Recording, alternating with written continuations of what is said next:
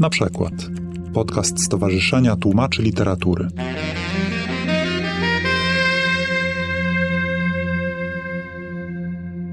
Dobry wieczór Państwu.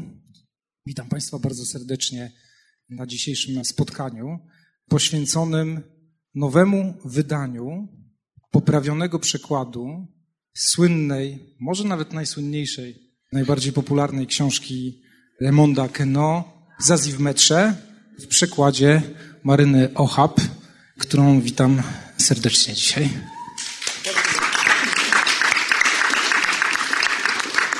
Witam też serdecznie Tomasza Swobodę, również tłumacza, znawcę, no nie tylko Keno, ale też Keno, eseistę, profesora romanistyki na Uniwersytecie Gdańskim.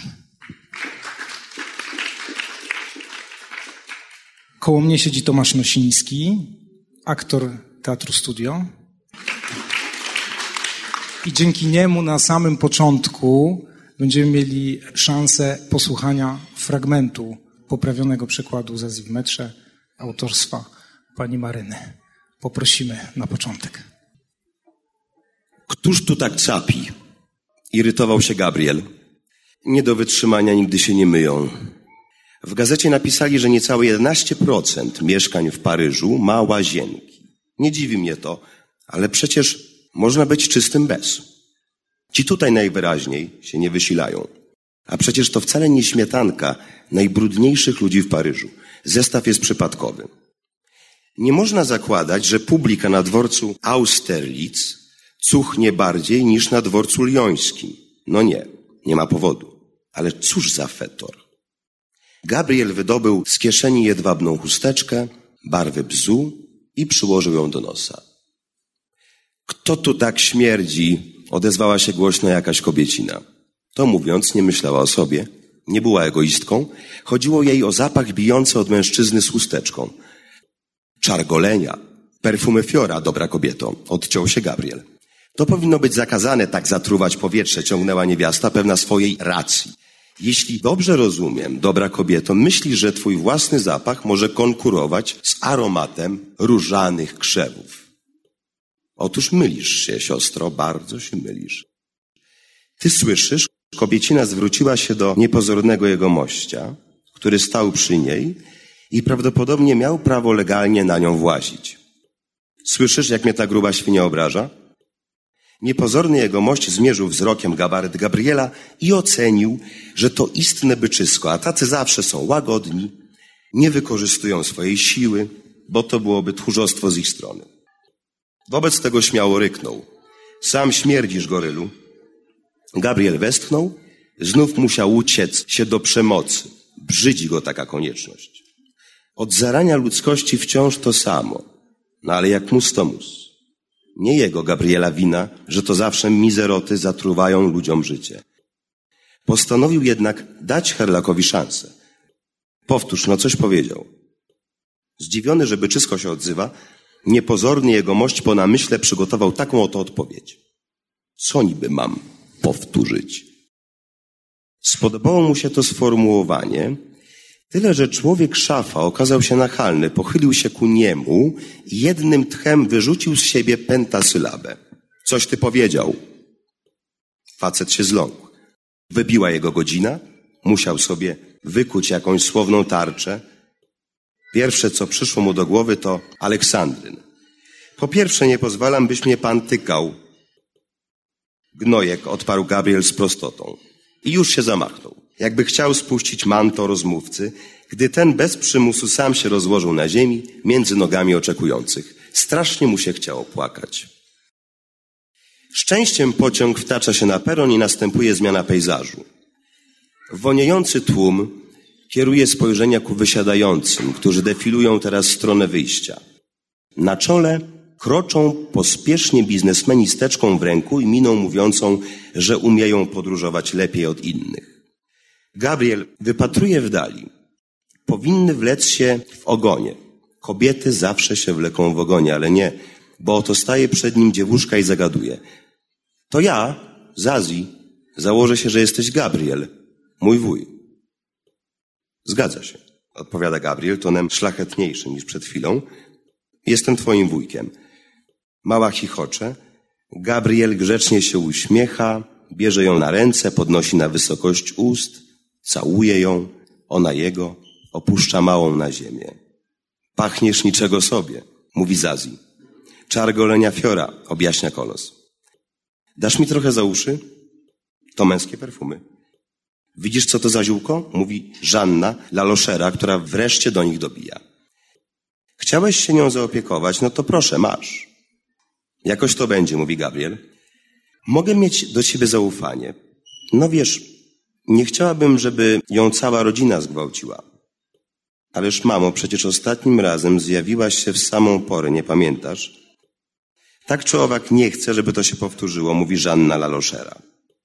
Możesz spać spokojnie, zapewnia Gabriel. To dobrze. Spotykamy się tutaj na peronie pojutrze o 6.60. Po stronie odjazdów, odpowiada Gabriel. Natürlich, mówi Żanna, która za czasów wojny była pod okupacją. A propos, jak się ma twoja żona? Dziękuję. Odwiedzisz nas? Nie będę miała czasu. Zawsze tak z nią jest, jak ma chłopa, mówi Zazi. Rodzina przestaje się liczyć. Pa kochanie, pa Gabi, znika. Zazi komentuje wydarzenie. Tym razem wpadła po uszy. Gabriel wzrusza ramionami, nic nie mówi, bierze walizeczkę Zazi, teraz coś mówi. W drogę mówi. Pruje przed siebie, roztrącając na prawo i lewo wszystko, co się znajduje na jego drodze. Zazi cwałuje za nim. Wuju, krzyczy, pojedziemy metrem? Nie. Jak to nie? Stanęła. Gabriel też hamuje, odwraca się, stawia walizeczkę i zaczyna objaśniać. Właśnie tak, nie. Dziś nie da rady, jest strajk. Strajk? No właśnie, strajk. Metro ten, wybitnie paryski środek transportu, usnęło pod ziemią, ponieważ pracownicy dziurkujący bilety przerwali pracę. O obuzy, krzyczy Zazi, od ranie zrobić mi coś takiego. Nie tylko tobie, stwierdza Gabriel z doskonałym obiektywizmem. Mam to gdzieś, że też mi się to przydarza. Tak się cieszyłam, taka byłam szczęśliwa, że się przejadę metrem, psia krew, cholera jasna. Musisz pogodzić się z faktem, mówi Gabriel, którego wypowiedzi są czasem zabarwione z lekka kantowskim tomizmem. Po czym, przechodząc na płaszczyznę subiektywizmu, dodaje. A teraz gazu. Karol czeka. Akurat, znam ten numer. Czytałam o tym w pamiętnikach generała Vermota. Wściekła się z Azji. Ależ nie, skądże znowu? Protestuje Gabriel. Karol to kumpel, który ma taryfę. Zamówiłem nam go z powodu strajku, jasne? Idziemy. Jedną ręką chwyta walizeczkę, a drugą ciągnie z Azji. Karol faktycznie czekał, zaczytany w rubryce złamanych serc. Szukał tam, i to od lat szukał, apetycznej sieroty, której mógłby ofiarować 45 czereśni swojej wiosny. Ale każda z tych, które wypłakiwały się na łamach tygodnika, zawsze wydawała mu się albo za bardzo gęsią, albo za bardzo wydrą. Perfidne i podstępne, węszył źdźbła, w belkach żalów i w najbardziej sponiewieranej laleczce widział drzemiącą klępę. Dzień dobry, mała, powiedział, nie patrząc na Zazi i starannie wsunął tygodnik pod pośladki. Niezły gruchot, mówi Zazi. Wsiadaj i nie bądź snopką, mówi Gabriel. Mam gdzieś snopki, mówi Zazi. Zabawna ta twoja siostrzenica, mówi Karol. Naciska spust i puszcza młynek w ruch. Lekką, lecz mocarną ręką Gabriel wpycha Zazi w głąb taksówki i sam siada obok. Zazi protestuje. Zgnieciesz mnie, wyje z wściekłością. Obiecujące dziecko, stwierdza lakonicznie i spokojnie Karol. Rusza. Jadą kawałek, po czym Gabriel pańskim gestem pokazuje pejzaż. Paryż. To jest miasto. No powiedz, czy nie piękne? Mówi zachęcającym tonem. Mam to gdzieś, mówi Zazi. Ja się chciałem przejechać metrem. Metrem, metrem, gdera Gabriel. Masz tu swoje metro i palcem pokazuje w górę. Zazi marszczy czoło, coś tu nie gra. Metro? Powtarza i dodaje z pogardą też coś. Metro jest pod ziemią. To tutaj jest na powietrzne, mówi Gabriel. W takim razie to nie metro. Wytłumaczę ci, tłumaczy Gabriel. Ono czasem wychodzi z podziemia, a potem się chowa. Akurat Gabriel czuje się bezsilny. Żeby zmienić temat, znów coś pokazuje po drodze. Patrz, ryczy, Panteon. Czego tu ludzie nie opowiadają, mówi Karol, nie odwracając głowy. Prowadził powoli, żeby mała mogła obejrzeć zabytki i podkształcić się przy okazji. Bo może to nie jest Panteon, co? Pyta Gabriel szyderczo. Nie, odpowiada z mocą Karol. Nie i nie, to nie jest Panteon. W takim razie, co jest twoim zdaniem? Ironia jego tonu wydaje się niemal obraźliwa rozmówcy, który zresztą przyznaje się do porażki. Nie mam pojęcia, mówi Karol. No widzisz, ale na pewno nie Panteon. Uparciuch z tego Karola. Mimo wszystko. Może spytamy jakiegoś przechodnia, proponuje Gabriel. Przechodnie to kretyni, mówi Karol. No pewnie. Ochoczo przetakuje Zazi. Gabriel daje spokój. Znajdują nowy obiekt zachwytu. A to, woła, to jest... Lecz przerywa mu eurekowy okrzyk szwagra. Znalazłem to, cośmy widzieli, to oczywiście nie był Panteon, tylko dworzec lyoński. Być może, rzuca Gabriel lekceważąco, ale to przeszłość. Co było, a nie jest, nie pisze się w rejestr. Teraz patrz, mała. Fajna architektura, nie? To inwalidzi. Upadłeś na głowę, mówi Karol. Co to ma wspólnego z inwalidami? No dobra, jeśli to nie są inwalidzi, to co to w takim razie? Może nam powiesz? Denerwuje się Gabriel. Dokładnie nie wiem, przyznaje Karol, ale po mojemu to najwyraźniej koszary rei. Zabawne z was, chłopaki, mówi Zazi z pobłażaniem. Zazi oświadcza Gabriel z namaszczeniem, który przychodzi mu bez trudu. Jeżeli naprawdę chcesz zobaczyć inwalidów i prawdziwy grób prawdziwego Napoleona, to cię tam zaprowadzę. Mam gdzieś Napoleona, mówi na to Zazi. W ogóle mnie nie interesuje ten nadęty typ w tym swoim kretyńskim kapeluszu. A co cię interesuje? Zazy nie odpowiada. Właśnie, co cię interesuje? Pyta Karol niezwykle uprzejmie. Metro. Dziękujemy. To jest pierwszy rozdział słynnej powieści Zazi w metrze ze słynnym słowem na samym początku Duki Pudongtan, przetłumaczonym w tym nowym, poprawionym przekładzie na Któż tu tak capi? No i od tego rozdziału zaczyna się słynna Odyseja po fantasmagorycznym Paryżu, ale zanim przejdę do pytań o samą książkę, chciałbym poruszyć trochę inny, bardziej ogólny temat związany z samym Keno, bo ja przygotowując się do tego spotkania trochę sobie przejrzałem bibliografię Keno i to, co mamy tutaj w Polsce i w sumie z z lekkim zaskoczeniem skonstatowałem, że właściwie większość rzeczy, które mamy tłumaczone Keno w Polsce, to mniej więcej był taki wybuch końcówka lat 90. i początek e, lat 2000. Pierwszą książkę w latach 80. to jest książka dla dzieci właściwie, przetłumaczona przez Jerzego Lisowskiego z ilustracjami Lutczyna i to jest jakby początek Keno w Polsce, przynajmniej według danych, do których udało mi się dotrzeć. Potem jest literatura na świecie. Są jakieś pojedyncze wiersze, Krystyna Rodowska, Wawrzyniec Brzezowski i potem jest końcówka lat 90., już tłumaczenia kenologów polskich naszych, którzy są zresztą tutaj obecni, między nami Anny Wasilewskiej, Hanny Igalson-Tygielskiej, Jana Gondowicza, Maryny Ocha między innymi, to tam są pierwsze przekłady. I moje pytanie jest proste na początek. Dlaczego tak późno? Keno to najsłynniejsze powieści to, to nie wiem, na właśnie lata 40., 50., 60., a my właściwie dlaczego tak późno e, pojawił się w Polsce? No ja nie wiem dlaczego. A dlaczego pani w takim razie sięgnęła po to? A ja chyba dostałam propozycję przy tym numerze literatury na świecie.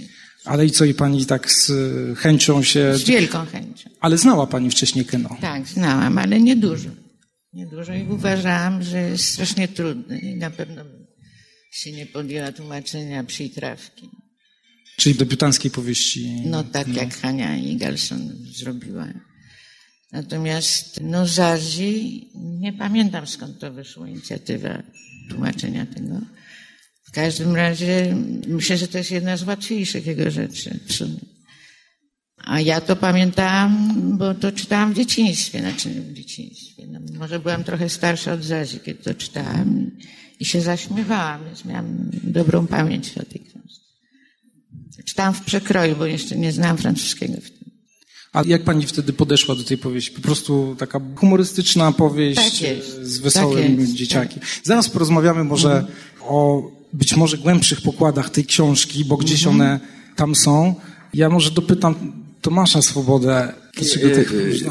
Jak ukazały się te pierwsze przykłady właśnie Keno, to ja tam jakiś taki tekstik popełniłem w literaturze na świecie, stawiając taką mikrotezę, że może dobrze się stało, że tak późno Keno właściwie po polsku, że doczekał takich wybitnych tłumaczy, jak właśnie obecni tutaj Maryna Ocha, Anna Wasilewska, Jan Gondowicz i nie wiem, czy Hanna Igalson-Tygielska jest, nie wiem. Myślałem, że zrobiliście w ogóle taką listę obecności tutaj, że wszyscy byli, ale nie ma chyba.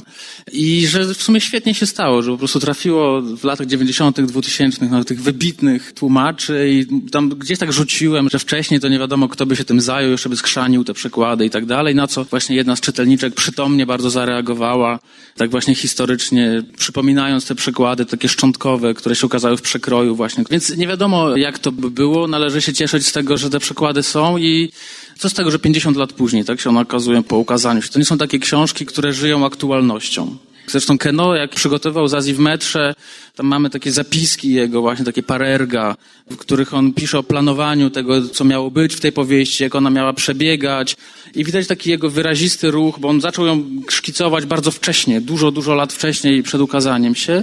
Widać jego taki ruch wymazujący to wszystko, co było zbyt aktualne, bo tam pierwszych tych szkicach miało być tak, że tam jakieś nawiązanie do okupacji hitlerowskiej. Chyba to z, y, pierwsze szkice były 44 rok. Tak, i on to wszystko pousuwał, dążąc do takiego właśnie, mówiąc wielkimi słowami, uniwersalizmu trochę. Więc to są książki, które można czytać 50 lat później i będzie można, mam nadzieję, czytać jeszcze za 50 lat. Natomiast dlaczego nikt się tym nie zajął, no to trzeba by wydawców ówczesnych spytać. PIW, czytelnik i inny, czemu tego nie chcieli robić, ale jest z pewnością też tak, jak pani Maryna powiedziała, znaczy to są piekielnie trudne rzeczy do tłumaczenia. Piekielnie trudne. Ale można potraktować tę książkę, akurat Zazji w metrze jest dosyć wdzięczna, znaczy ona też jest trudna, o czym zaraz sobie porozmawiamy, ale można trochę potraktować właśnie jako taką humoreskę na takim pierwszym poziomie i przecież ona we Francji, jak została wydana, przypomnijmy, 59 rok, no to ona absolutnie od razu zdobyła olbrzymie powodzenie. Znaczy, proszę mnie poprawić albo nie, bo próbuję teraz tak ustawić tę powieść w tej całym dorobku Keno, ale to chyba ona przyniosła mu tak naprawdę popularność. Tak było. Tak jak wspomnieliśmy, 1933 rok ukazuje się Siendo, czyli Psia Trawka, też jedna z ciekawszych powieści Keno. Mamy ją po polsku. Tak, i właściwie no, to humoreska. No właśnie prawie każda książka Keno jest, z tych powieści jest taką humoreską. Tylko, że dopiero chyba w Zazji w metrze udało mu się tak ten szale trochę przechylić na stronę takiej przystępności, czytelności, bo to jest w sumie jednak pierwsza jego powieść, która zachowuje takie najbardziej podstawowe elementy takiej klasycznej powieści. Mamy bohaterów, no jacy oni są, to też do tego jeszcze może dojdziemy, kwestia ich tożsamości, ale mamy jakichś bohaterów, mamy jakąś akcję. Czas to jest właściwie tak jak w tragedii greckiej, trochę wszystko się w jednej dobie mieści. Wszystko jest dosyć klarowne, więc te podstawowe wymogi jakiejś takiej powieści pisanej po Bożemu są tutaj zachowane i my możemy ją czytać bez uciekania się do jakiegoś alegoryzowania.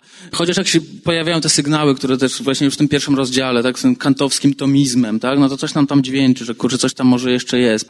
Mamy trochę łaciny gdzieś tam. E, no właśnie, mamy motto w ogóle. Jakie jest motto, prawda? Zapisane alfabetem greckim, prawda? Więc ale możemy sobie udać, że nie widzimy tego motta, że w ogóle ono nie ma żadnego znaczenia. Więc możemy ją przeczytać od A do Z. To zresztą jest też jedna ze struktur tych powieściowych, bo ten dworzec się nazywa Austerlitz Prawda? Więc A, Z, on też to sobie zaplanował, żeby się zaczynało A, kończyło na Z i tak dalej.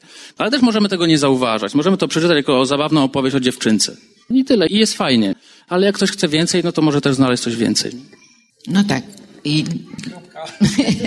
nie, chciałam powiedzieć, że ja użyłam tego wybiegu, że spalszam, bo to mi dawało większą swobodę, bo tam na pewno są jakieś pułapki i piętra, których nie umiałam zgłębić i nawet się nie chciałam wysilać specjalnie.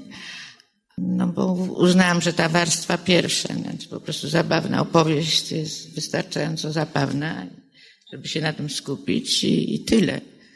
Na przykład ja na pewno nie rozgryzłam wszystkich postaci. Też tak w tym drugim wydaniu spolszczam bardziej te nazwiska, ale też być może tam są jakieś nazwiska znaczące, których znaczenia nie rozgryzłem, natomiast poszłam w fonetykę, znaczy w samą zabawność brzmienia. No dobrze, tak. to, skoro pani zaczęła już o tłumaczeniu, to może rzućmy się na głęboką wodę. Ja sobie porównałem w ogóle te dwa tłumaczenia. Te pierwsze 2000 Piątego, wówczas pod redakcją Marii Braunstein, która gdzieś chyba też tutaj jest. Także wszyscy tutaj się, mówię naprawdę, wszyscy kenolodzy się chyba spotkali. I to drugie. I powiem tak, jak usłyszałem od Ani Karczewskiej z Piwu, że jest właśnie poprawiony przekład, to sobie pomyślałem, oho, tam się być może zacznie coś tam dziać. I tak sobie potem to przeczytałem i pomyślałem, że trochę jednak tak pani zachowawczo do tego podeszła, bo tam można by było trochę więcej chyba zrobić. W sensie takim, że no, pytanie do pani, czy to się dało w ogóle? W sensie na przykład leksykalnym właśnie, tak jak pani mówi, tych wyrazów. Pierwszym takim tutaj w tym fragmencie, który Tomasz przeczytał, jest ten słynny, to pierwsze słowo duki pilongtang, które jest jakby zapisem tego, co się słyszy, a nie zapisem takim francuskim. I właściwie tego jest dosyć mało. Dlaczego? Takiej próby przełożenia tego na polszczyznę, bo no, tekst jest usiadny tym. Po prostu nie byłam w stanie wymyślić języka takiego. Także ja się trzymałam polszczyzny i tyle. No ale pytanie, czy to jest, bo Kenos francuskim był w stanie to zrobić i ja się też zastanawiałem, bo to proszę nie traktować mm -hmm. takiego, takiego ataku na panią, tylko zastanawiałem się nad możliwością po prostu polszczyzny. Czy polszczyzna nie jest bliżej tej całej fonetyki niż francuszczyzna pisana i ten rozdziew, który Keno tam wykorzystuje, czy było możliwe nie, nie umiem powiedzieć. Ja się tak jakoś nie, nie, nie wysiliłam specjalnie. No, Panie Tomaszu. Powiem szczerze, myślałem, że będzie więcej takiej gry z językiem jak białoszewski. Zazdroszczę Pani Marynie, że tu jest jako tłumaczka właśnie. Zdarza mi się być w takiej sytuacji właśnie tłumacza książki na spotkaniu literackim ja wtedy też mogę powiedzieć, nie wiem, jak to zrobiłem, jak umiałem. Nie? I to jest, to jest bardzo przyjemna sytuacja, a, a obok siedzi taki właśnie pseudoekspert, nie? I potem musi wyjaśniać, co tam się dzieje w tej książce. No więc e, z punktu widzenia takiego pseudoeksperta... Nie, no, nie no filolog, filolog. To, co chciał zrobić Keno w tych swoich książkach, to jest, on to nazwał néo-français czyli język nowofrancuski. Tam była taka sytuacja po prostu w języku francuskim straszliwego rozdźwięku między językiem mówionym i językiem pisanym. Zwłaszcza jak no, pisał do swojej pierwsze powieści w latach 30., to to były naprawdę dwa bardzo odrębne języki, jeszcze z wieloma wariacjami dialektalnymi, wciąż żywymi. I jeszcze jak on pisał e, Zazi w metrze, to ta różnica była ogromna. Tak? No to widać właśnie, jak ktoś zajrzał do oryginału. Tak? No to jest taka próba trochę przeniesienia języka mówionego do literatury. On płakał trochę nad tym, że Psia Trawka ukazała się w 1933 roku, a Podróż do Kresu Nocy Selina w 1932 i Selin go ubiegł. I Keno nie był już tym prekursorem. To jest próba zbliżenia tych dwóch języków, wprowadzenia tego języka ludu do literatury. Takie przedsięwzięcie tyleż językoznawcze, co literackie i właściwie na dobrą sprawę społeczne i polityczne. Potem, jak sam stwierdził już kilkanaście lat później, poprzez rozwój mediów, ten rozdźwięk się zmniejszył, a właściwie zanikł poprzez upowszechnienie tego, co Zazi nazywa tutaj TV, czyli telewizji. No i pytanie, czy w języku polskim mieliśmy do czynienia z podobnym rozdźwiękiem, czy w połowie XX wieku to tak wyglądało i czy da się to zrobić coś takiego dzisiaj, żeby to było czytelne? No odpowiedź jest jasna, znaczy nie da się tego zrobić tak, jak to zrobił Keno, żeby to było widoczne, bo on tam pokazuje to na poziomie ortograficznym, tak? Inny zapis fonetyczny, ortograficzny. No po polsku wyglądałoby to dziwacznie to by językiem futurystów napisać Zazi w metrze bez sensu. Ale czy Keno dla Francuza, ja nie jestem Francuzem, ale no. czy on brzmiał rzeczywiście tak naturalnie w tym zapisie, że czy to tam nie było też trochę sztuczności? Czy tej sztuczności, jeżeli była, Keno nie da się przenieść do polszczyzny? On brzmiał jednocześnie dziwnie i bardzo czytelnie i naturalnie. I dzisiaj też tak brzmi właściwie. Te zagrywki językowe Keno, one się niezbyt zestarzały właściwie z punktu widzenia dzisiejszego czytelnika. No nie wiem, no, czy by się dało. No, może ktoś za 30 czy 50 lat coś wymyśli i będziemy mieli, mam nadzieję, nowy przekład Zazi w metrze i innych powieści Keno. Dzisiaj należało powiedzieć, że skoro wzięli się za to najlepsi tłumacze z francuskiego w Polsce i zrobili tak, jak umieli, jak to powiedziała pani Maryna, to znaczy, że się nie dało po prostu. Nie no, można się zastanawiać teoretycznie. Przekładoznawcy powinien zrobić, czy może na poziom składniowy tych różnic nie należałoby przenieść, tak? Albo na jakiś inny.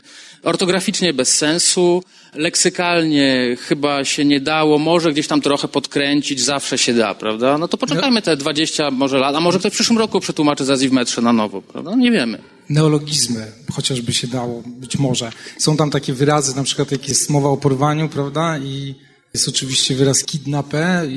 Keno używa słowa kidnapé, które przypomina porwanie, jednocześnie gdzieś tam... Pan jest świeżo po lekturze, ja już tego nie pamiętam. Przepraszam, ja zacząłem tę serię takich pytań, pani tutaj uniki robi, no ale spróbuję jeszcze raz. E, bo mam jeszcze jedno pytanie dotyczące właśnie konkretu w przekładzie, mianowicie tych wulgaryzmów. Wiemy, że powieść się rozgrywa w latach 50. powiedzmy. I rzeczywiście, dużo jest tych przekleństw właśnie tam kurza twarz albo rany Julek. I takie miałem wrażenie, nie wiem, czy pani właśnie chciała zostawić takie wrażenie, że jesteśmy właśnie w latach 50. 50 tak. Czy Tak nie, podkreś- nie podkręcać tego? Nie, tak chciałam, tak czułam. Tak mi pasowało. I rozumiem, że w tym nowym e, nie kusiło panią, żeby troszeczkę tak jakieś tam raperskie, takie ho- hip-hopowe rzeczy. Nie. E, I też nie, nie... Bo jest jeszcze jedna rzecz właśnie o tych znaczących nazwiskach też, bo zdecydowała się jednak pani przetłumaczyć w pierwszym wydaniu z 2005 bohaterowie, którzy tam są. Część z nich ma oczywiście swoje polskie odpowiedniki, Fiodor Bałanowicz, Mado Mała Stópka i tak dalej, i tak dalej, ale część jest zostawiona rzeczywiście w brzmieniu francuskim. Bertin Poiret został zostawiony po francusku. W tym nowym pani tłumaczy, ale t- wydaje się, że y, y, właściwie pani tłumaczy to fonetycznie, tak jak słychać, Tak. a właściwie można by się właśnie pokusić o, też o jakieś... e, No dobrze, można by, ale ja się pokusiłam o coś innego. No. A dobrze, to, to Ja nawet, jak No dobrze, tylko to książka się ukazała, znaczy to pierwsze wydanie, no to zaczęłam ją czytać z ołówkiem w ręku i poprawiałam przede wszystkim nazwiska. I nawet się zastanawiałam, czy z Azji nie przerobić na Zuzę. No ale jednak to jest emblematyczne imię. Tak, no, no ale Gridu natychmiast przerobiłam na, Grzędę. Grzędę. Tak. Truskajon został te, Truskajonem właściwie, chociaż ja tam jak sobie myślałem, bo, bo to No. jest postać taka, postać najpierw satyra, jak, jak pisze no, potem on się okazuje policjantem, potem znowu jakimś takim rozpustnikiem i się zastanawiałem, czy ten Truskajon nie jest od Trusser, prawda, Trusser de Jupon, czy coś takiego. Gdzieś tam jest jakiś może gdzieś tam zakodowany, ale to by Bardzo trzeba się możliwe. pobawić te, troszeczkę Bardzo jak albo Białżecki, albo jak Witkancy, prawda, z tymi... e, Że Nezip nazwiskami. Kapen. Tak? No właśnie, no właśnie. No dobrze, pani się tak broni, to ja się spytam, czy inicjatywa właśnie tego poprawienia wyszła od pani? Tak. Tak, że, Mm, tak. żeby poprawić nazwiska. No i przy okazji oczyścić. W pani dorobku to była ważna książka, czy w sensie takim też takiej intelektualnej przygody, czy po prostu tak jak pani? No ważne, ważne. No. Trudne. Trudna rozmowa. E, No dobrze, no dobrze. No to może ja na razie odłożę takie pytania dokładne o tekst, bo trudno mi wydobyć e, szczegół, więc przejdę do większego ogółu. Jednak ja bym zadał to pytanie, ja wiem, że ono jest trudne, ale bym spytał, czym tak naprawdę oprócz tej humoreski jest ta Zazi w metrze.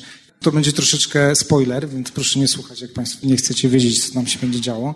Do Paryża przyjeżdża Żanna La Rochella z córką Zazi, którą na jeden dzień oddaje pod opiekę swojego brata Gabriela i jego żony Marceliny. Największym marzeniem Zazi jest przyjażdżka metrem, jest ono jednak zamknięte z powodu strajku.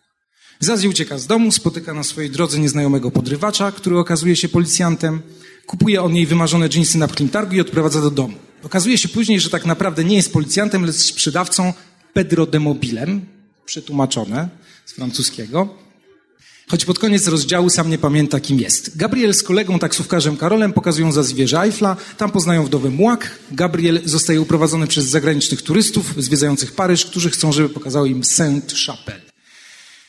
Sainte-Chapelle. Zazi wraca z wdową i świeżo poznanym fałszywym policjantem Truskajonem, po polsku napisane, który okazuje się facetem z początku powieści. Jadą na odsiecz Gabrielowi, wdowa zakochuje się w Truskajonie, znajdują Gabriela, który prowadzi wszystkich, również turystów, na bilard. Następnie zaprasza całą gromadę z Azji, sąsiadów, przyjaciół i turystów na swój występ w gejowskim lokalu nocnym Lombard, gdzie występuje jako andaluzyjska tancerka. Truskają zostaje zatrzymany przez policję, jednak później jako Bertyn Gruszka pędzi do domu Gabriela i próbuje uwieść Marcelinę. Wszyscy zjawiają się w klubie Lombard, Gabriel zamienia się w Gabrielę i w ciągu nocy daje wspaniały popis artystycznych umiejętności. Turyści odjeżdżają zwiedzać Gibraltar, reszta idzie do baru na zupę cebulową. W barze rozpętuje się awantura, interweniuje policjant z facetem na czele, który tym razem okazuje się szefem policjantów Arunem Arachidem. Wdowa Mułak zostaje zastrzelona, Zazi zasypia, reszta towarzystwa schodzi pod ziemię i ląduje w metrze. Wszyscy rozjeżdżają się do domów, w międzyczasie Marcelina okazuje się Marcelem. Kurtyna.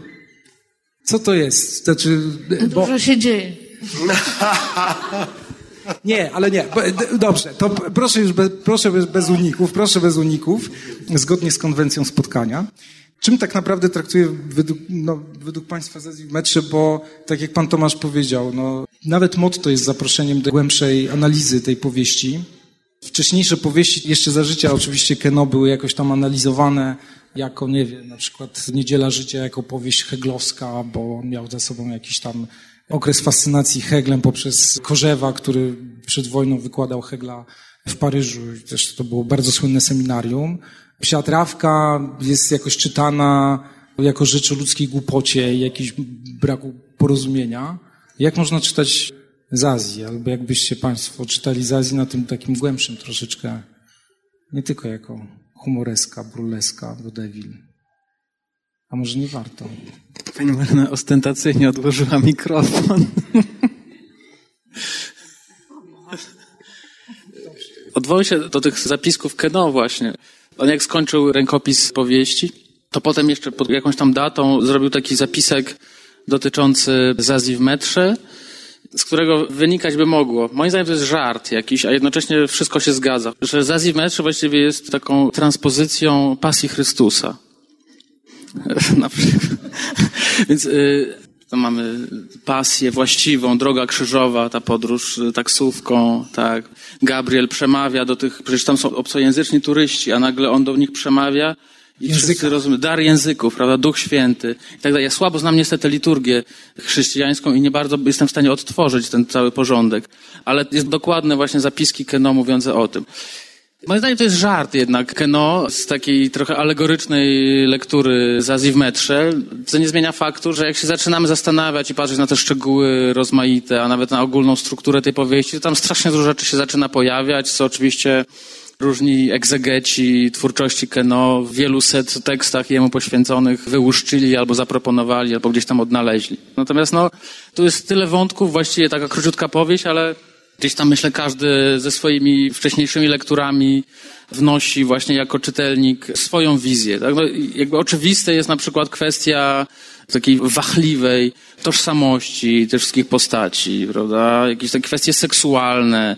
Jest ta Zazie, no kim ona jest, tak? Ona jest trochę Alicją w Krainie Czarów, ale w sumie bardziej Lolitą Nabokowa. Tak? Można by tym tropem pójść. Przecież Lolita się ukazała wtedy co, w Olympia Press w Paryżu właśnie w 55 roku chyba, tak? W 58 po angielsku. No i tu zaraz się ukazuje z Azji Metro. On pewnie to znał, jako czytelnik zresztą znakomity anglosaskiej literatury. Te tożsamości seksualne, myślę o takich dzisiejszych nawet tematach, prawda? Ten Gabriel, Gabrielem czy Gabrielo, Marcel czy Marcelina, prawda?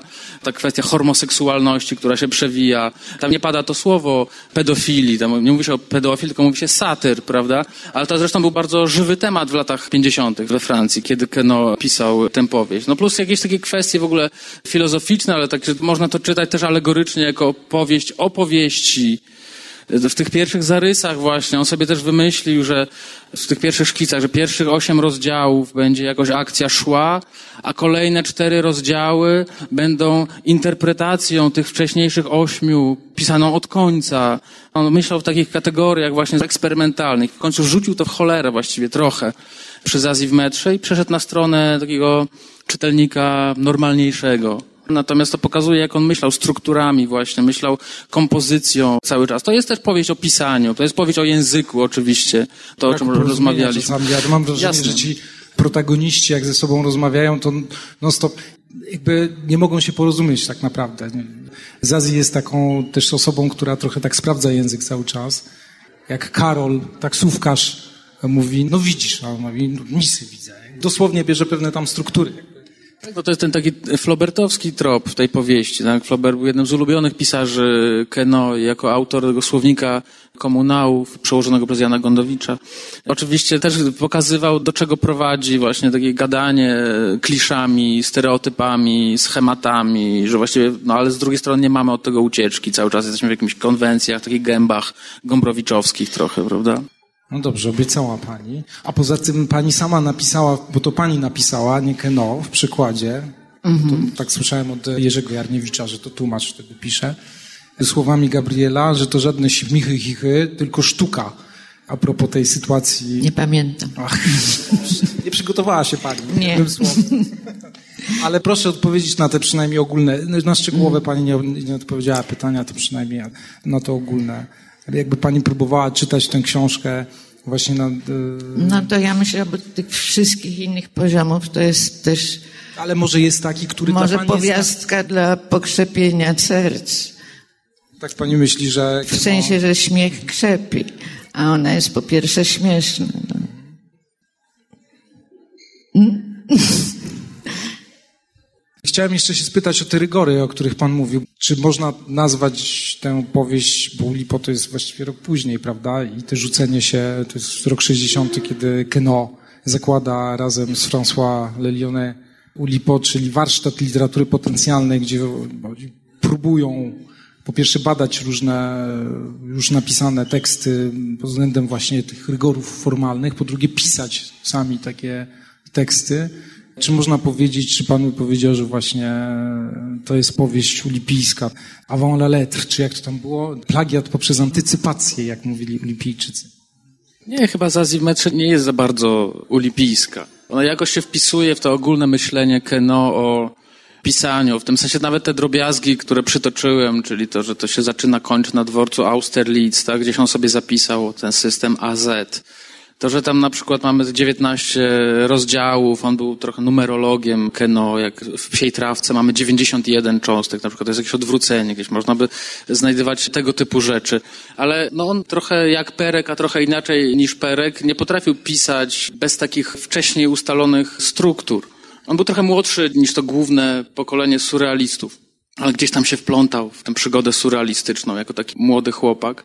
Ale wplątał się w ten surrealizm po to, żeby od niego się odbić. Znaczy on się na pewno nauczył pojęcia wolności twórczej od surrealistów, a jednocześnie rozumiał je kompletnie inaczej niż oni. Dla nich wolność to było właśnie poddanie się pisaniu automatycznemu, bez kontroli świadomości, zapisywanie snów i tak dalej, i tak dalej. Natomiast Keno mówił, że to, że to wszystko to właściwie, mówiąc po dzisiejszemu, bullshit. Że prawdziwie wolnym jestem wtedy, kiedy ja sobie sam wybiorę właśnie rygory, kiedy sobie sam zaplanuję strukturę, dokładnie ja sobie ustalę i potem dopiero jestem wolny, jak się tej struktury samodzielnie wybranej trzymam. I stąd on zawsze tak pisał, to wszystko było zaplanowane, liczbowo, struktura, on takie grafiki tworzył pokazujące kompozycję swoich utworów.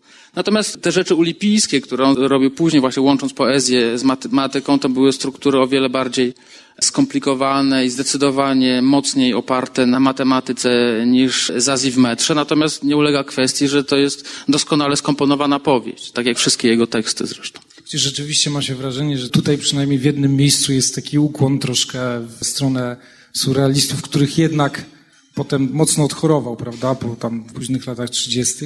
jest taki moment, kiedy Gabriel zastanawia się nad tym otaczającym go, nad sytuacją, w której się znalazł i mówi, że troszkę tak teatralnie, jak na deskach teatru, o tym, że właściwie to wszystko jest sen, marzenie, sen snu i właściwie nie wiadomo, czy to wszystko nie jest napisane w jakimś delirium przez szalonego pisarza.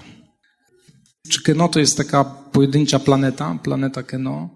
Czy Państwo w tej literaturze francuskiej widzą następców Keno, którzy z taką z jednej strony z lekkością, a z drugiej pilnując formy, potrafią tak lekko pisać o...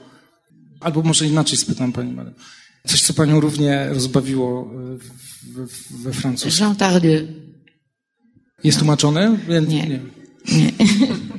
Ale ma Pani ochotę go przetłumaczyć? No, czy mam ochotę? Niespecjalnie, ale... ale nie, no, to na pewno byłoby równą przygodą, tak, językową. myślę zresztą, że we Francji jest więcej ludzi, którzy ten język jakoś tak rozbierali i składali inaczej. No. Panie Tomasz, pan w posłowie napisał, że pan... Czy tej miary, jak, no nie wiem, no, ale powiedzmy... Ostatnio kiedyś rozmawialiśmy na jakimś spotkaniu, w ogóle pani tak kręciła nosem na francuską literaturę współczesną. Że tam nie ma nic interesującego. Tak pani powiedziała, przepraszam, że tak prywatne A rozmowy. ile lat przywołuję. temu to było? No, tak, ze trzy, cztery. Niedawno. No nie, no coś się czasem pokazuje.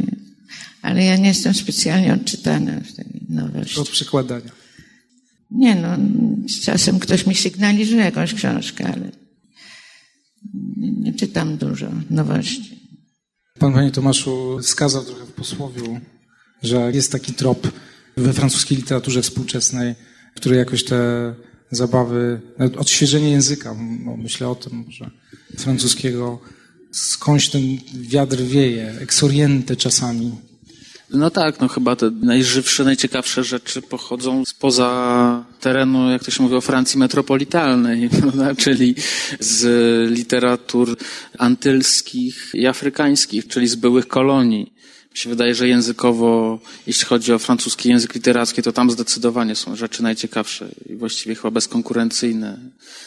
I tam się rzeczy dzieją dosyć niesłychane, no i, i, i trochę jest już na polski, głównie Jacek Giszczak u nas tłumaczy tę literaturę, także myślę, że Państwo znają trochę tych książek, jeśli nie, to zachęcam, naprawdę warto. To wydawnictwo Charakter trochę publikowało, ma taką serię właściwie całą z tej literatury. No, natomiast wracając do tego wcześniejszego Pana pytania, no jednak jest taką osobną trochę planetą. To był absolutnie wyjątkowy człowiek. Od początku właściwie trochę złote dziecko, trochę na granicy genialności od najmłodszych lat. Widać, że ten mózg jest jakiś specyficzny jego.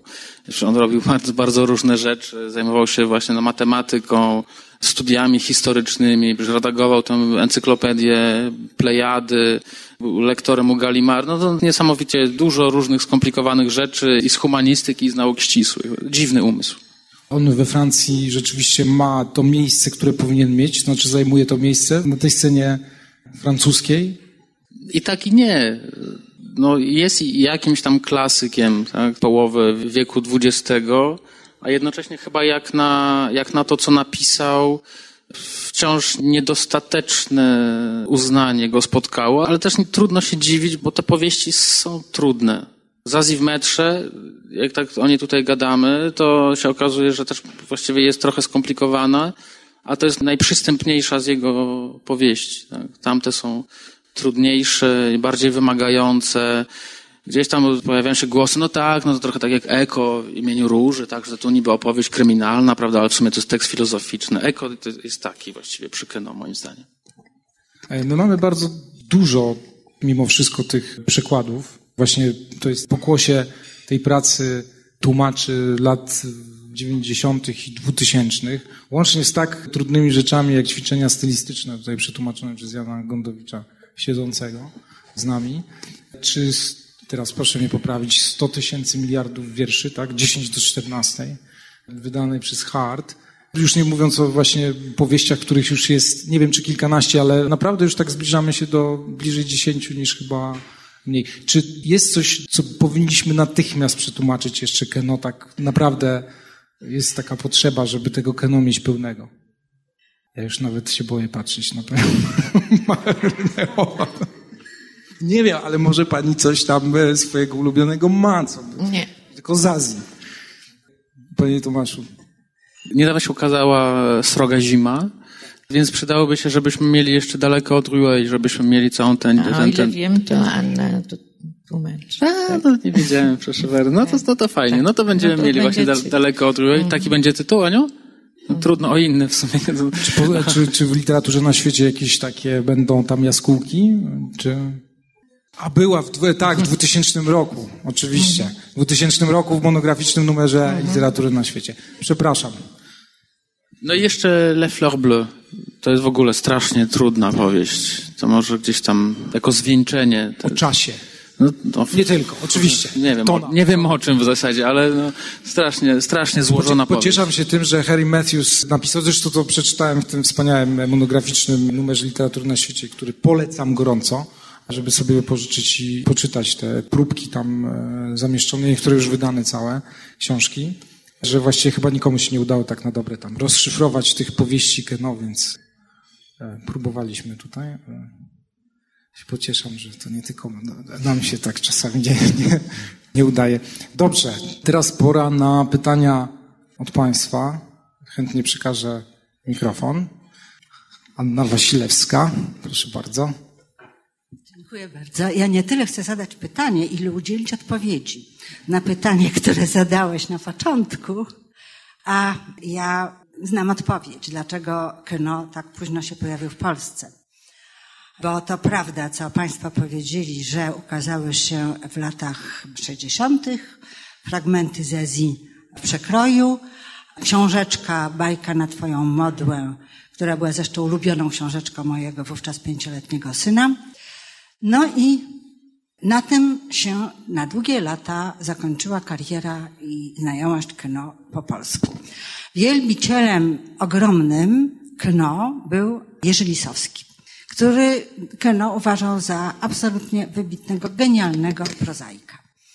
Podpisał umowę z piwem na tłumaczenie Le Chien d'An, Ciej Trawki, po czym po paru miesiącach zwrócił mowę, mówiąc, że to absolutnie po polsku nie wychodzi, że to szkoda psuć tej książki i że on zrywał mowę.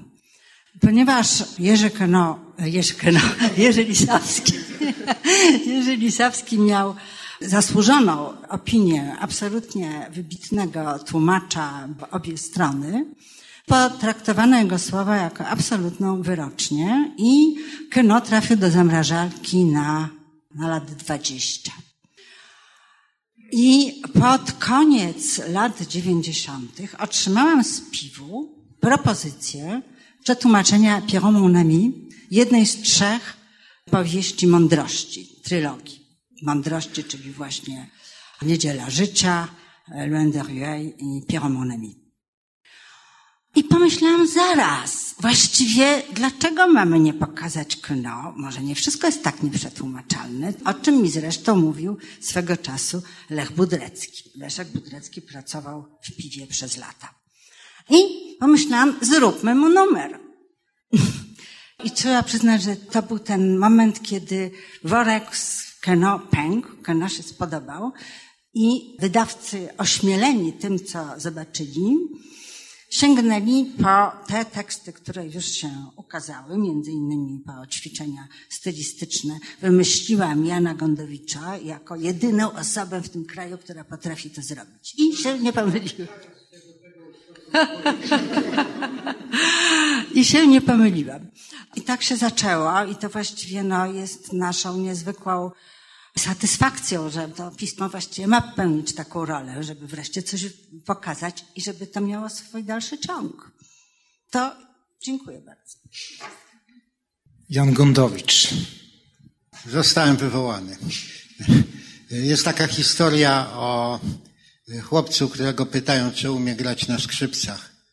Nie wiem, dajcie skrzypce, to zobaczę. Taką miałem przygodę z tłumaczeniem Keno, wytkniętym mi jako próbka przez panią redaktor Wasilewską. Po tej próbce miałem ochotę tłumaczyć to dalej, ale niestety zdaje się, że licencja dla czasopisma nie obejmowała całości. Trzeba by chyba zapłacić więcej. Coś takiego było. W każdym razie już po 14 latach znalazłem wydawcę. Na całość. Ten wydawca nadal tłucze ten mój przekład ze stereotypów. Miał tutaj kiedyś księgarnię, nazywa się Brzozowski. Nie płaci mi ani grosza. Śmieje mi się w nos, jak mówię, że go podam do sądu. No i nie ma siły po prostu. Wszystkie wydania ćwiczeń stylistycznych, które Państwo, których jeszcze nie macie, nabędziecie, są wydaniami nielegalnymi z punktu widzenia prawnego. Ale nie o tym chciałem mówić, tylko o tym, że zburzyła mnie straszliwie wypowiedź pana profesora Swobody, mówiąca o tym, że Zazi ma regularną czy jakąkolwiek konstrukcję. Otóż moim zdaniem nie ma żadnej konstrukcji. Ponieważ to się wiąże z pewną wizją literatury, jaką Keno w pewnym momencie zaczął żywić. Wpadłem na to, o ile można to nazwać pomysłem, powiedzmy, że to jest intuicja. W momencie, kiedy się zajmowałem tymi dwoma książkami Keno, które przetłumaczyłem, mianowicie ćwiczeniami i tym 100 tysięcy miliardów wierszy, które miały każda z nich jakąś koncepcję matematyczną, ukorzenia. Otóż doszedłem do wniosku, że u podłoża niektórych pomysłów, a zwłaszcza pomysłu na Zazi, jest gra, która się nazywa gęś. Wiecie Państwo, na czym to polega? Każdy z nas na pewno w dzieciństwie miał coś takiego. Plansza rzuca się kostką i w wyniku rzutu kostką, jak się wyrzuci szóstkę, to się posuwa do przodu, jak się wyrzuci dwójkę, to się cofa o trzy pola do tyłu i tak dalej, i tak dalej. Otóż są dwie powieści historyczne, które łączą dwie cechy. Są napisane według rzutu kostką i są rewelacją języka mówionego. Pierwszą z nich były przygody dobrego wojaka Szwejka. Rzecz napisana absolutnie aleatorycznie, jak wiadomo, gdzie zależnie od tego, co się wyrzuciło Jarosławowi Haszkowi, to akcja się posuwa do przodu albo cofa, albo stoi się w miejscu i wchodzi w grę jakaś ogromna dygresja, a mowa jest całkowicie plebejska, co w języku czeskim e, naznacza równie wybitny dystans jak we francuszczyźnie lat 30. Czeski pisany, którym władam w czytaniu, jest dla mnie kompletnie nieczytelny w momencie, kiedy zaczynają ze sobą mówić, Czesi językiem mówionym. Nic nie rozumiem. Otóż podobnie rzecz się dzieje z, z Azji. Nie wiem, czy, chociaż oczywiście podejrzewam, że Keno czytał e, Haszka, bo czytał wszystko. I czy mogło go to zainspirować? Powiedz 24 roku. Ale przede wszystkim rzecz w tym, że pewne mechanizmy dają się rozpoznać w samej konstrukcji, która jest właśnie aleatoryczna, jest tak pojmowana, jak wtedy zaczęto pisać muzykę. Na zasadzie swobodnych powtórzeń, sekwencji, ponowień, raków, odwrotności raków i tak dalej, jak to robiono. I teraz, jaka jest treść tej powieści, co wynika jakby z wywodów poprzednich? Wydaje mi się, że Zazie nawiązuje do wielkiej francuskiej tradycji pisania o niczym. Geniuszem, który wymyślił tę koncepcję, był, jak wiadomo, Flaubert. Flaubert wpadł na pomysł, żeby napisać o niczym i świadomie już wiedząc, że pisze o niczym, napisał Szkołę Uczuć. Ale chciał, tak jak Malewicz, który namalował czarny kwadrat i postanowił, że sam siebie przebije. Zrobi jeszcze krok dalej namalował biały kwadrat na białym tle. Dalej się już posunąć nie można. Tak? W ten sposób Flaubert postanowił napisać Buwarda i Pecucheta, czyli powieść o niczym, która by nie tylko miała już takich bohaterów, o których nic nie można sensownego powiedzieć i nie można ich nawet polubić, nie można się z nimi utożsamić, ale także nie opowiada właściwie żadnej sensownej historii. Jak Państwo, którzy znacie tę ostatnią opowieść Flauberta, Pamiętacie? Tak mniej więcej od połowy Flaubert porzuca nawet pomysł, że jedna przygoda dwóch kopistów, którzy próbują zgłębić sekrety wszystkich nauk, wypływa jakoś z drugiej, tak prawda, że najpierw uprawiają ogród, no to jak uprawiają ogród, to chcą mieć pszczoły, jak chcą mieć pszczoły, to próbują medycyny przy pomocy tam żądlenia pszczelego, które podobno uzdrawia i tak dalej. Jedno z drugiego wynika, ale od połowy już mu się nie chciało. I już to idzie po prostu tak, jak kostka wyrzuci. Raz to, raz tamto. Nie ma logicznego związku między ich kolejnymi katastrofalnymi doświadczeniami w posługiwaniu się wiedzą książkową. Otóż można powiedzieć, że to, co objawiło się Flaubertowi jako jeden z jego głównych pomysłów, mianowicie fakt, że nie należy opisywać postaci w jakiś sposób naznaczonych charakterem, wielkością, nawet dziwnością, tylko, no, to co się nazywa po francusku le clopot, czyli, prawda, zarazem nie dojda, albo nawet stonoga. Otóż tacy są bohaterowie powieści współczesnych Flauberta i on potrafi przebić znowu samego siebie od postaci, które czymś by mogły być. To Kacy miał piękne słowo, bym była bym była, czyli ktoś, kto mógłby kimś być, gdyby mu się zachciało, gdyby umiał być. Muszę opowiedzieć anegdotę, przepraszam bardzo. Jest rok 1972, jako student uczestniczę w sławnej sesji iblowskiej poświęconej Witkacemu, co wtedy było politycznym ewenementem. Przyjeżdża profesor Daniel Gerald z Nowego Jorku i mówi o tematach egzotycznych, a zwłaszcza o świadectwach pobytu Witkacego w Australii. I między innymi mówi, jednym z takich świadectw zupełnie ewidentnych i stuprocentowych jest to, że używa Witkacy słowa bym była wielokrotnie, a tymczasem w Australii rośnie drzewo, które się nazywa Binbilla tree. No i powiedział to, wszyscy przyjęli do wiadomości jako ostatnie słowo nauki, po czym wszedł na mównicę Lech Sokół, spojrzał i powiedział, że on miał dostęp ostatnio do manuskryptu Witkacego i niestety właśnie wyszło mu, że w jakimś liście jest wytłumaczenie, bym była, to jest ktoś, kto mógłby kimś być, gdyby miał zaróć najmniejszych choćby talentów na osobowość. Wtedy profesor Gerald wstał z pierwszego rzędu, przeszedł na mównicę i powiedział, a jednak mi żal mojego australijskiego dziewa.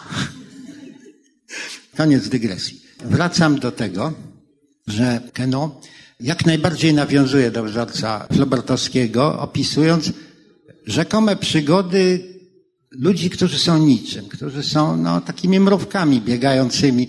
Na chwilę można podnieść kamień, zobaczyć, prawda, jak tam robaczki sobie żyją, a potem cóż, no, właściwie nic z tego nie wynika. Kamień można tylko opuścić i z ulgą odetchnąć, że się należy do innego świata, intelektualistów. Otóż taka wizja pisania o niczym, o nic nieznaczących przygodach nic nieznaczących ludzi, oczywiście przeciwstawia się szkole, która tymczasem uległa rozdwojeniu.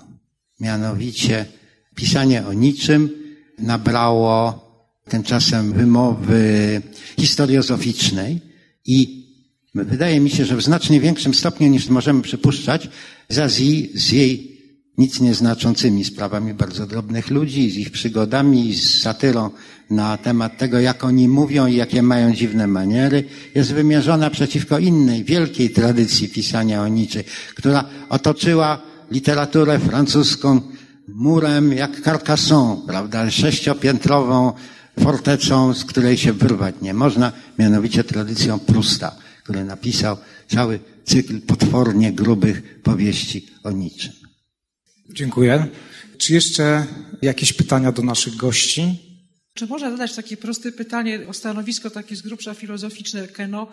Bo z jednej strony on spisał wszystkie wykłady Chorzewa i w ten sposób najbardziej bezpośredni się przyczynił do recepcji współczesnej filozofii spekulatywnej niemieckiej, a z drugiej strony podobno inspirował się całe życie myślą takiego znawcy Orientu, a zwłaszcza hinduizmu, René Genona. Więc właściwie jakie on miał stanowisko? Czy ono ewoluowało? Czy... A druga sprawa to jest, czy ta książka Zazi w mecze to nie jest czasem po prostu literatura dla dzieci, taka y, ambitna? Wpływ Genona, tak jak wynika z dziennika Keno, który stosunkowo niedawno został opublikowany w grubaśnym tomie, był właściwie stały i on jest taki zdecydowanie bardziej widoczny właśnie na tej płaszczyźnie chyba deklaratywnej, w tych intymnych zapiskach Keno niż w jego opowieściach. We Francji zrobiło trochę zamieszania to opublikowanie tego dziennika ze względu właśnie na rolę, jaką zdawał się odgrywać w jego myśli ten dziwny myśliciel właśnie e, religijny, mistyczny, znawca filozofii i religii wschodnich. Więc to, tak jak mieliśmy trochę wizję właśnie takiego keno racjonalisty stuprocentowego, gdzieś tam może takiego wywrotowego, trochę kartezjanisty, to ta myśl René Genona jest tutaj takim e, trochę kamykiem wrzuconym do ogródka. Ale ja się na tym specjalnie nie znam, wiem tyle, co o tym przeczytałem. Drugie pytanie dotyczyło... Czy książka Zezji w metrze jest książką... Aha, książką dla dzieci. Pani Maryla odpowie moim zdaniem ładnie. Dla młodzieży. To tak jak trochę z tym wiekiem samej bohaterki, nie? Ona miała gdzieś tam najpierw mieć 15, 16, potem może 13, a w końcu i tak nie wiemy ile. 11. No właśnie. Ostatnia szansa? To nie jest pytanie, tylko chcę przypomnieć, że jest znakomita adaptacja Louis Mala, która się zupełnie nie zestarzała, moim zdaniem. On używał tam kolorowych filtrów, teraz jest bardzo pięknie odnowiona cyfrowo ta jego adaptacja i mówiliśmy tutaj, znaczy mówiliście wy oczywiście dużo na temat języka i Louis Mal tam w genialny sposób zastępuje te zabawy keno językowe odwołaniami głównie do slapstickowych komedii amerykańskich. No i ja ten film niemal znam na pamięć i bardzo wszystkim Państwu polecam, jeżeli go jeszcze nie znacie. Dziękujemy bardzo. To na koniec, zanim zakończę tę oficjalną część spotkania, to może jeszcze posłuchamy bardzo króciutkiego Ostatniego fragmentu. ostatniego fragmentu. Muszę powiedzieć, że nie wiem, że czuję, że nie jest mi łatwo teraz. Muszę naprawdę powiedzieć. Żanna Laloszera obudziła się raptownie. Spojrzała na zegarek leżący na szafce nocnej. Było po szóstej. Nie mogę się ociągać. Ociągała się jednak przez chwilę, żeby przyjrzeć się swemu gachowi, który spał nago i chrapał. Obejrzała go z grubsza, potem detalicznie, wpatrując się zwłaszcza pogodnym, choć znużonym okiem w obiekt, który tak ją zajmował przez dzień i dwie noce i który teraz bardziej przypominał oseska po karmieniu niż chwackiego grenadiera. A jaki przy tym głupi. Migiem się ubrała, wrzuciła do torby rozmaite drobiazgi, poprawiła sobie twarz. Nie mogę się spóźnić, jeśli mam odebrać córkę. Znam Gabriela, na pewno będą punktualni, chyba, że coś mu się stało. Przycisnęła do piersi szminkę do ust, byle tylko nic mu się nie stało. Teraz była gotowa. Ostatni raz spojrzała na Gacha. Jeżeli do mnie przyjedzie, jeżeli będzie nalegał, może nie powiem nic, ale to nie ja będę się za nim uganiać. Cicho zamknęła za sobą drzwi. Hotelarz wezwał dla niej taksówkę i o wpół to była na dworcu. Skasowała bilet i zeszła na peron. Chwilę później zjawiła się Zazi w towarzystwie faceta, który niósł jej walizeczkę. O, Marcel, powiedziała Żanna Laloszera. We własnej osobie. Ależ ona śpi na stojąco. Poszliśmy w tango. Trzeba jej wybaczyć. Mnie też trzeba wybaczyć, bo muszę pędzić. Rozumiem. A jak tam Gabriel? Niespecjalnie. Znikam. Pa mała. Do widzenia panu. Powiedziała Zazi nieprzytomnie. Żanna Naloszera wsadziła ją do wagonu. I co? Dobrze się bawiłaś? Tak sobie. Przejechałaś się metrem? Nie. No to co robiłaś? Zestarzałam się. Dziękujemy Tomaszowi Nosińskiemu, Marynie Ochab, Tomaszowi Swobodzie. Dziękuję Państwu za przybycie, za pytania, za komentarze. Jeszcze raz dziękuję i dobranoc.